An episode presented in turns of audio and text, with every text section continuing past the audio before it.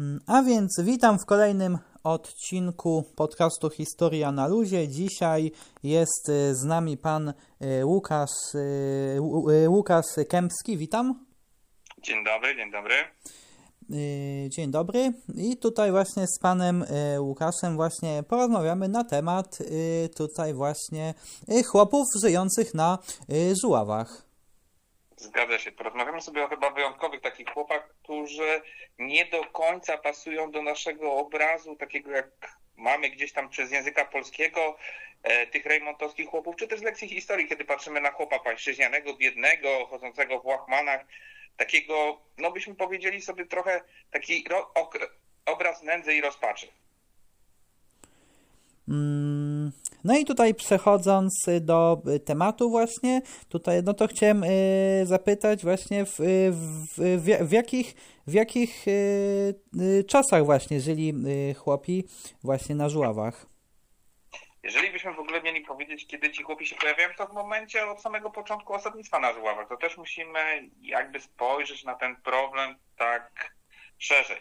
Pamiętajmy, że żuławy to z jednej strony jest e, najmniejszy obszar geograficzny w Polsce, e, bo to jest 1,7%, jak dobrze pamiętam, ale też jest, jest, jest najmłodszy. To jest obszar, który w ogóle powstał dzięki pracy człowieka, żeby nie człowiek, jego działania mające na celu osuszenie tych terenów, życie na żławach nie byłoby możliwe. Jeżeli popatrzymy, że pierwsi mieszkańcy, tacy, którzy pojawiają się tutaj mm, w okresie, byśmy dzisiaj to powiedzieli, takiego wczesnego średniowiecza, oni pojawiają się na żuławach e, tak na dobrą sprawę w, na okresy sezonowe, e, kiedy mogą pozyskiwać bursztyn, kiedy mogą polować na foki, a później z tego czerpać korzyści w postaci skór i tłuszczu. I tutaj to osadnictwo nie ma takiego charakteru stałego. Ale już gdzieś tam informacje chociażby z badań archeologicznych pokazują, że część tych grup próbowała zajmować się rolnictwem. To byli zarówno Słowianie, jak i Pruszowie. E, ale jeżeli w ogóle mówimy o chłopach, o tym, kiedy tak na dobrą sprawę rodzą się żuławy, e, to musimy sobie powiedzieć, że jest to zasługa przede wszystkim e, krzyżaków. Ja wiem, że w naszym gdzieś tam takim potocznym przekonaniu ci krzyżacy jawią się jako tak, tak zwane szwarc charaktery.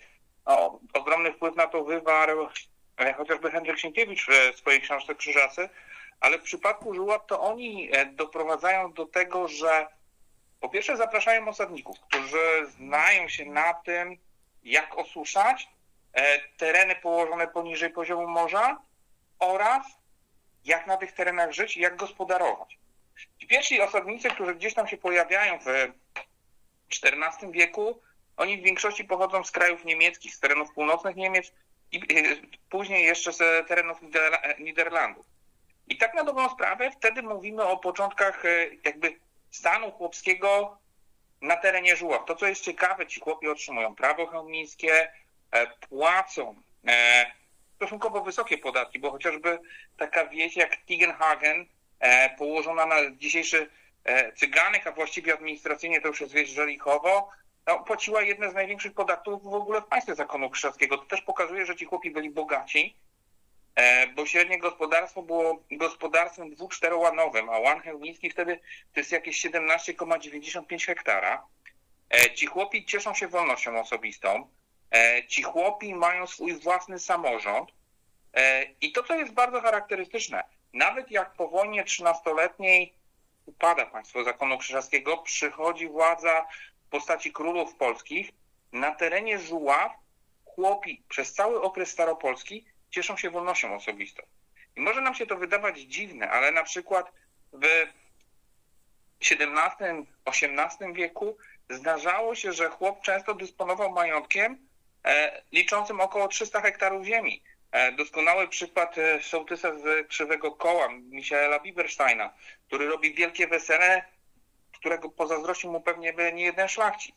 Wspaniałe domy podcieniowe, które często przekraczają ponad 1200-1400 metrów kwadratowych. No, nie jednego szlachcica nie byłoby na taki dom stać w innych regionach Polski, a tutaj posiadali je chłopi. To, co też jest bardzo ważne, ci chłopi funkcjonują w okresie staropolskim Oni sami zresztą określają się mianem takim nachban, a więc sąsiad. E, mają swoje własne przywileje. Ci najbardziej znamienici wchodzą na przykład w skład e, związków wołowych, który był odpowiedzialny za bezpieczeństwo na żławach, za to, żeby dbać chociażby o kwestie wałów. Kwestia kolejna, no, przychodzi pierwszy rozbiór Polski, e, znaczna część żuław znajduje się w rękach państwa pruskiego, ale ci chłopi cały czas trwają. Co ciekawe, zmienia się ich tylko przynależność jakby państwowa. Bo o ile jeszcze w okresie staropolskim oni w większości, co prawda, posługują się językiem niemieckim lub językiem staroholenderskim, byśmy tak mogli powiedzieć, e, ale jednak uważają się za poddanych króla polskiego. Po 1772 roku ta sytuacja troszkę się zmienia. Zmienia się szczególnie jeszcze w połowie XIX wieku, kiedy te kwestie asymilacyjne, e, tworzenie się chociażby współczesnie rozumianego pojęcia narodowości, przynależności państwowej, no większość z nich później pójdzie w kierunku państwa niemieckiego, najpierw Prus, a później już cesarstwa niemieckiego, ale to będzie warstwa niezwykle bogata. I to jest jakby ten fenomen tych żułaskich gospodarzy, że począwszy od średniowiecza, tak na dobrą sprawę po dziś dzień, bo to też musimy pamiętać, że z jednej strony kończy się w 1945 roku tych, um, historia tych chłopów, um, którzy funkcjonują, e, powiedzmy to sobie w większości, ich rodziny funkcjonują na terenie Żław od średniowiecza, od XVI wieku, jak chociażby w przypadku Menonitów, o których pewnie jeszcze będziemy dzisiaj rozmawiać. Um, I historia się kończy w 1945 roku. Przychodzą tutaj nowi osadnicy, ale w większości to również są osoby, które żyją z rolnictwa. No, nieprzypadkowo też władze komunistyczne później wykorzystają tereny Żuław jako jedne z terenów e, do stworzenia wielkich gospodarstw, państwowych gospodarstw rolnych, a więc PGR-ów. Także no, chłopi na Żuławach żyją, żyją, żyli i żyć będą.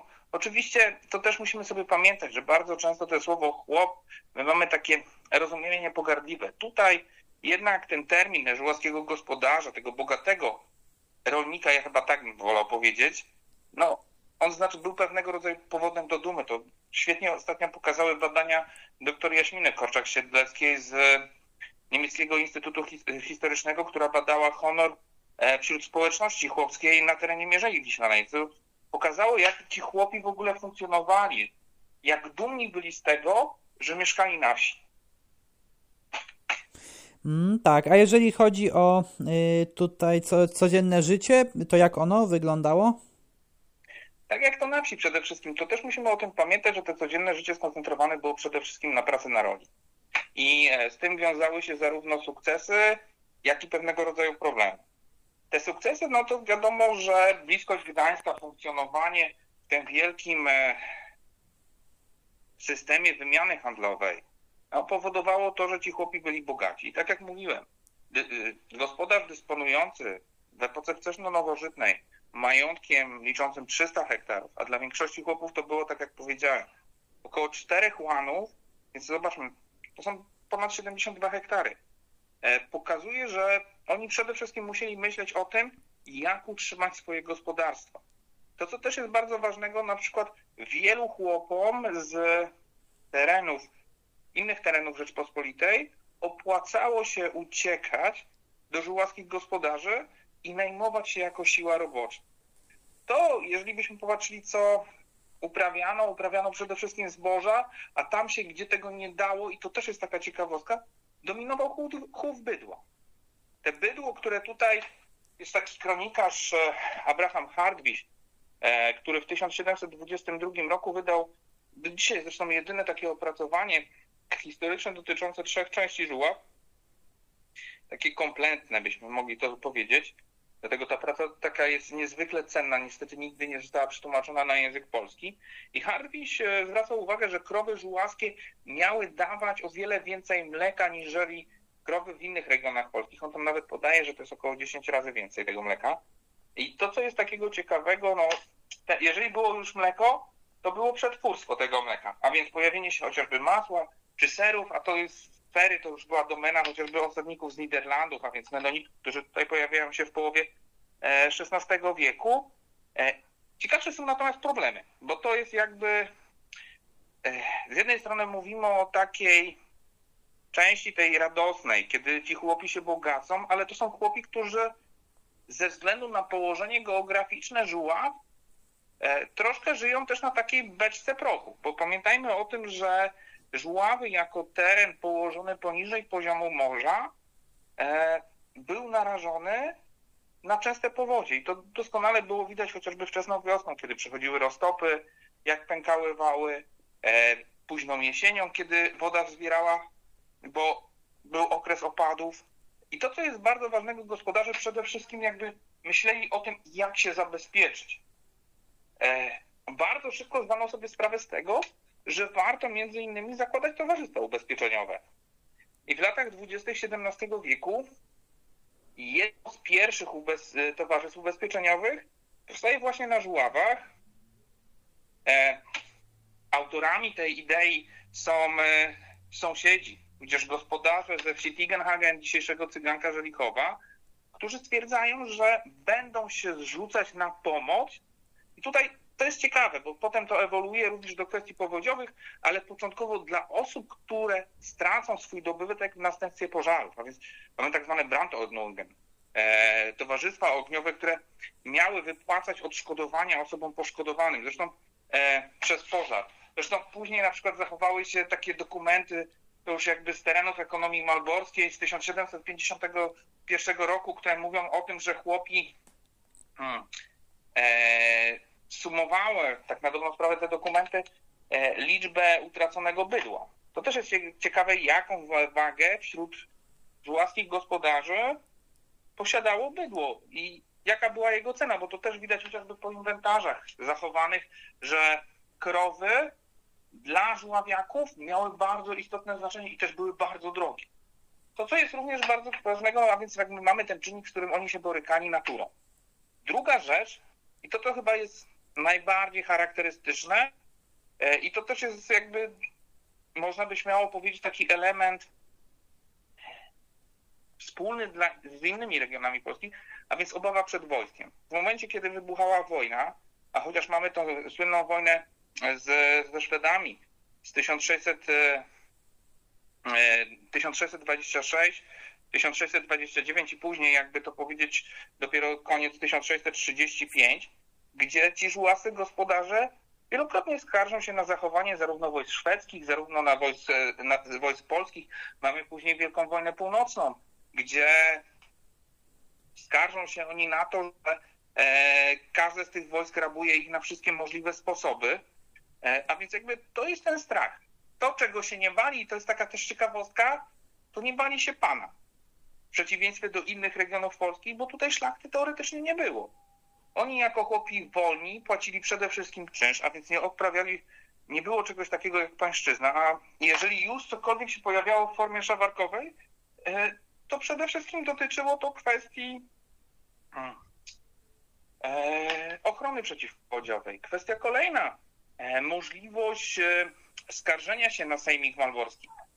To pozwalało im funkcjonować swobodnie i często ten Sejmik stawał po stronie żułaskich gospodarzy. No to też jest ciekawe, że jakby tutaj w tym wypadku ci żułascy gospodarze, no ich pozycja jest wyjątkowa. No tak. A jak właśnie wyglądały tutaj obyczaje y, chłopów? To jest chyba ten temat, który jest jakby najsłabiej w ogóle znany w literaturze. Bo jeżeli popatrzymy sobie na tą obyczajowość, gdzieś dopiero tak jakby prowadzimy badania w ogóle w Żuławskim Parku Historycznym, e, na Uniwersytecie e, Mikołaja Kopernika w Toruniu, E, doktor Marta Kośmicka, e, Koperska-Kośmicka prowadzi badania na temat chociażby domostw żułaskich gospodarzy, domów podcieniowych. Doktor Aleksandra Paprot, Wielopolska z Uniwersytetu Gdańskiego, nad taką tożsamością, ale przede wszystkim ona już patrzy na tą tożsamość po 1945 roku. Jest Jaśmina Korczak-Siedlecka, o której wspominałem, która gdzieś bada tych chłopów pod takim kątem właśnie mentalności. Radek Kubus, z którym miałem też przyjemność pisać tekst na temat e, inwentarzy z Uniwersytetu Gdańskiego, z którym miałem przyjemność pisać tekst na temat inwentarzy e, chłopskich. I to, co jest ciekawego, ja bym sobie zawsze to podzielił na pewne rzeczy, bo ciągle jeszcze niewiele wiemy o takich takich zwyczajach, nie wiem, chrzest, pogrzeby, e, do tego chrzciny, ślub. Tutaj gdzieś tam pojawiają się jakieś przyśpiewki, ale one już w większości pochodzą z e, dwudziestolecia międzywojennego, czy też jakby te wcześniejsze z początków XX wieku. E, to co wiemy, to na pewno wiemy o stroju. I ten strój wyglądał, wie pan, jakby chłopów kojarzymy przede wszystkim też z taką kulturą ludową. Kojarzymy, że każdy z tych chłopów ma swój strój, e, każdy region się wyróżnia i w przypadku Żuław, oczywiście, jeżeli przyjedzie wycieczka na przykład do Muzeum Żuławskiego i zobaczy e, strój żuławski, zacznie zadawać pytania, e, no to odpowie im się, że to jest strój żuławski, tylko tam ten strój, który jest w Muzeum Żuław, w Nowym Dworze prezentowany, jest strojem przede wszystkim wymyślony na początku XXI wieku, a jeżeli ktoś zada pytanie, no tak, ale jak wyglądał strój żuławski w przeszłości? Odpowiedź jest prosta. Nie było stroju żuławskiego. Nie było czegoś takiego jak strój typowo ludowy dla mieszkańców Żuław. Przede wszystkim jakby on się nie wykształcił z kilku przyczyn. Jedną z nich są ustawy zbytkowe, które wydawali właściciele dóbr. Też musimy pamiętać, że te żuławy są podzielone na trzy części. Mamy część, która należy do Gdańska, a więc żuławy gdańskie w okresie staropolskim mamy część, która należy do miasta Elbląga, a więc tak zwane żuławy elbląskie i mamy część, która należy do, jako do, domena królewska do władców Polski. One potem są częściowo dzielone, bo tam wykształca się chociażby osobna ekonomia malborska, a później jakby starostwo nowodworskie, tudzież dzierżawa nowodworska i to, co jest dla nich charakterystyczne, wszędzie są wydawane ustawy zbytkowe, czyli jest mowa, co mogą nosić mieszkańcy żuław. I teraz w większości to mają być ciemne ciuchy, skromne. To wynikało z tego, że jakby dominującym wyznaniem na terenie Żuław był luteranizm. I to, co jest ciekawego, że pomimo tego, że zarówno miasta Gdańsk i Elbląg, jak i władcy polscy, którzy wydawali chociażby dla wsi żuławskich wilkierze, mówią o tym, jak ma wyglądać strój, to jednak bardzo często spotykamy skargi, że na przykład żuławskie kobiety chodzą e, w, w jedwabiach, że noszą e, biżuterię, która im jakby z punktu pochodzenia nie przysługiwała.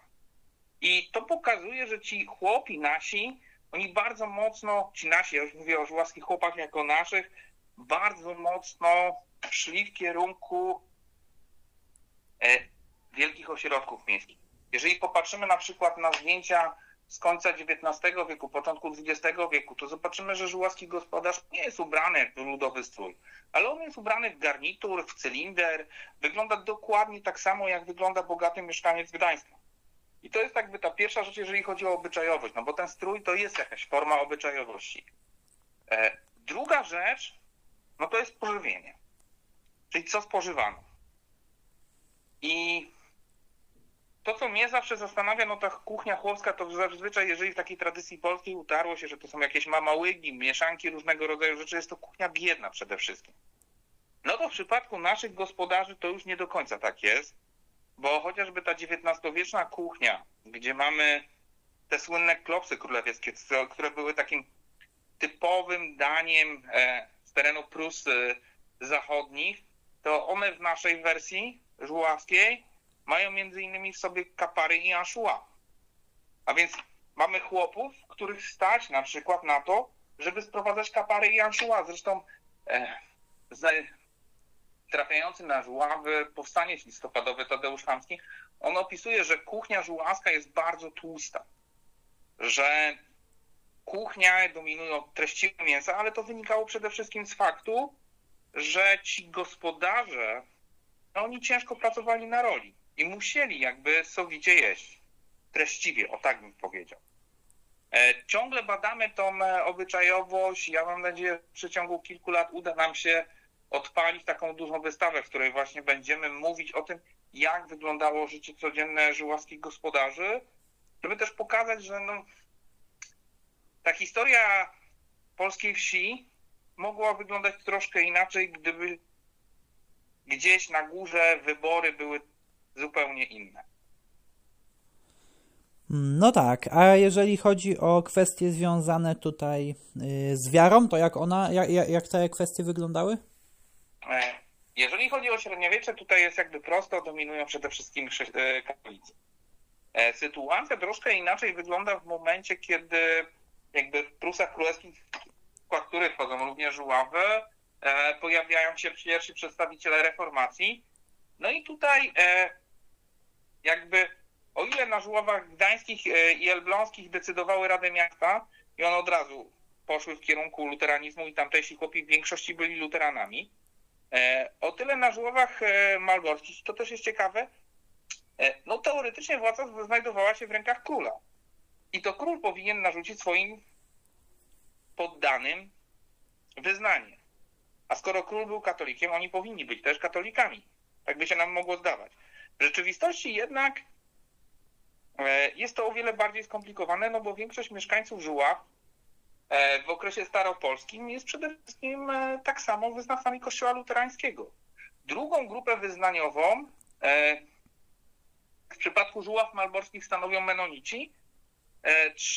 E, I to tam się będzie zmieniać, czy drugą stanowią menonici, czy katolicy, bo to też jakby w różnych okresach czasu wyglądało różnie. Zdarzało się, że w niektórych wsiach większość stanowili osadnicy z Niderlandów, menonici, o których ja jak pamiętam, jak się przeprowadzałem na Żuławach, to miałem wrażenie, że wszyscy w ogóle mówią e, menonici, menonici, jakby tutaj nikt inny nie mieszkał poza tymi menonitami, co jest zresztą niepoprawne e, pod względem merytorycznym. Więc wyznaniowo wygląda to tak, że mamy luteran i później w różnych miejscach przewaga albo katolików, albo menonitów, a w XIX wieku już jednak po wielkiej fali emigracji menonitów na teren między innymi Rosji ich liczba e, sukcesywnie spada i zwiększa się liczba wtedy katolików. I, to, co jest też takiego ciekawego, no bo ci menonici, o których ja mówię dla wielu ludzi, oni troszkę wyglądają jak tacy takiej potocznej świadomości jak Amisza, a to jest jednak wyznanie, które przybywa na żuławy w następstwie prześladowań religijnych w Europie e, Zachodniej. No, to, co ich wyróżniało, to przede wszystkim chrzest osób dorosłych, e, brak, brak chęci w ogóle piastowania e, wysokich stanowisk administracyjnych. To też się wiązało z tym, że no, nie składali przysięgi, przysięgi władzom świeckim. Idąc dalej, to też jest całkowite przywiązanie do, chociażby do zasad pacyfizmu. E, tu też jest jakby zakaz spożywania alkoholi, co nie znaczy, że tych na przykład alkoholi nie produkowali jak e, w Gdańsku. E, Ambroży Formelen, który jest twórcą chociażby Goldwassera, więc tej słynnej wódki z płatkami złota, w Nowym Dworze Gdańskim rodzina Sztobe, która produkuje chyba najsłynniejszy trunek w ogóle tutaj w regionie, szczególnie już w okresie dwudziestolecia międzywojennego, a mianowicie ma handla, taką słynną jałowcówkę, coś co dzisiaj byśmy nazwali formą ginu. E, I więc jakby no ci menonici tutaj funkcjonują, tworzą jakby zamknięte też takie społeczności do XIX wieku, później już to się jakby też rozróżnia, większość menonitów asymiluje się z państwem niemieckim i identyfikuje się już też, jakby to powiedzieć, z Niemcami. Tak więc trzy główne wyznania, luteranie, menonici, katolicy, to jakby to jest to, co spotykamy przede wszystkim na Żuławach. Gdzieś tam później pojawiają się pojedyncze wzmianki o chociażby o Żydach, ale to są naprawdę w okresie staropolskim niewielkie gru, grupy. Jeżeli już się pojawiają, to w efekcie chociażby konwersji albo jakichś procesów karnych, a w przypadku XIX wieku, no to te społeczności przede wszystkim są e, w miastach, aczkolwiek w dwudziestoleciu międzywojennym jednym z największych posiadaczy ziemskich chociażby w, w pobliżu Nowego Dworu Gdańskiego, w takiej wsi Ostaszewo właśnie był jeden z żydowskich gospodarzy, co to też jest rzadko spotykane. No i ja też jeszcze chciałem zapytać o y, Żuławski Park Historyczny. Co się tam znajduje właśnie? Żuławski Park Historyczny to w ogóle jest miejsce chyba, od którego trzeba zacząć swoją przygodę z Żuławami, bo to jest miejsce, gdzie tak na dobrą sprawę można uzyskać wszystkie informacje dotyczące zarówno największych atrakcji e, turystycznych e, Delty Wisły, jak również e, no, podstawowe informacje historyczne, co warto zwiedzić, jak warto zwiedzić. No i to też jest jakby, ja powiem to tak, jako osoba, która przybyła na Żuławy no, 10 lat temu dokładnie i która nie jest żuławiakiem, która zakochała się trochę z wyboru historycznego w tych żuławach, e, to, to jest jedna z lepiej zorganizowanych e, wystaw takich regionalnych, w małych muzeach, w małych miejscowościach. E, I to, co też jest ciekawe, udaje się to robić przede wszystkim pasjonatom, bo muzeum jest e, instytucją, którą, która jest prowadzona przez stowarzyszenie od ponad 30 lat, także E, to warto zobaczyć, bo niewiele w Polsce jest muzeów, które są prowadzone przez stowarzyszenie, a większość jego pracowników przychodzi tam wtedy, kiedy zazwyczaj w wielu miejscach praca już się kończy. No i pracują, poświęcają tam swój wolny czas, więc to też warto zobaczyć. No i też chciałem zapytać, czy chciały Pan coś dodać na koniec? No, ja mam nadzieję, że kiedyś spotkamy się wszyscy na żuławach i będziecie Państwo patrzeć na te żuławy na jako taką krainę wolnych chłopów, bogatych chłopów i chłopów, którzy byli dumni z tego, że nimi są. Że ta historia naszego kraju, historia wsi mogła zupełnie inaczej wyglądać i to nie jest nigdy zero-jedynkowy obraz, jak czasami stara się przedstawiać w literaturze, że chłop musiał być tylko pod pańskim butem, że, przepraszam, że się tak wyrażę, a mogła ta historia, tak jak pokazuje wątek Żuław, wyglądać zupełnie inaczej. Mm, tak, właśnie, czyli no, no, właśnie, no bo to pokazuje, że, że życie tych właśnie chłopów na żuławach niż, y, wyglądało inaczej niż niż tutaj, niż chłopów w innych, e, w innych tutaj regionach, tak jak pan właśnie powiedział też e, wcześniej już. No właśnie, ja chciałem też podziękować za wzięcie udziału w programie właśnie, za chęć tutaj właśnie podzielenia się informacjami, no i za tutaj właśnie opowiedzenie o chłopach żyjących na żuławach. Dziękuję i ja również dziękuję za możliwość podzielenia się tymi informacjami. E, proszę mi uwierzyć, że wiele można by było jeszcze mówić, ale jakby audycje rządzą się swoimi prawami i też trzeba pamiętać o tym, że odbiorca czasami jak za długo jest, to też nie jest dobrze.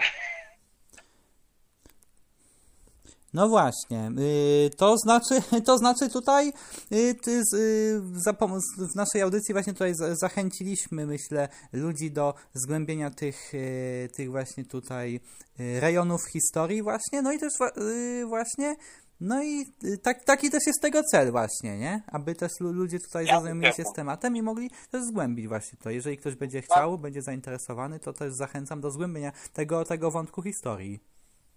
Ja również e, zachęcam do zgłębiania historii, e, przede wszystkim chyba historii regionalnej, bo to żuławy są tylko punktem wyjścia do tego, jak możemy badać historię regionalną, historię małych miejscowości, historię społeczności wiejskich i każda wieś, każde małe miasteczko ma w sobie wiele ciekawych e, i ukrytych tajemnic z przeszłości. Ja polecam patrzeć czasami na to, co jest bardzo blisko, to co zazwyczaj jest bliskie naszemu sercu i warto badać tą naszą małą ojczyznę.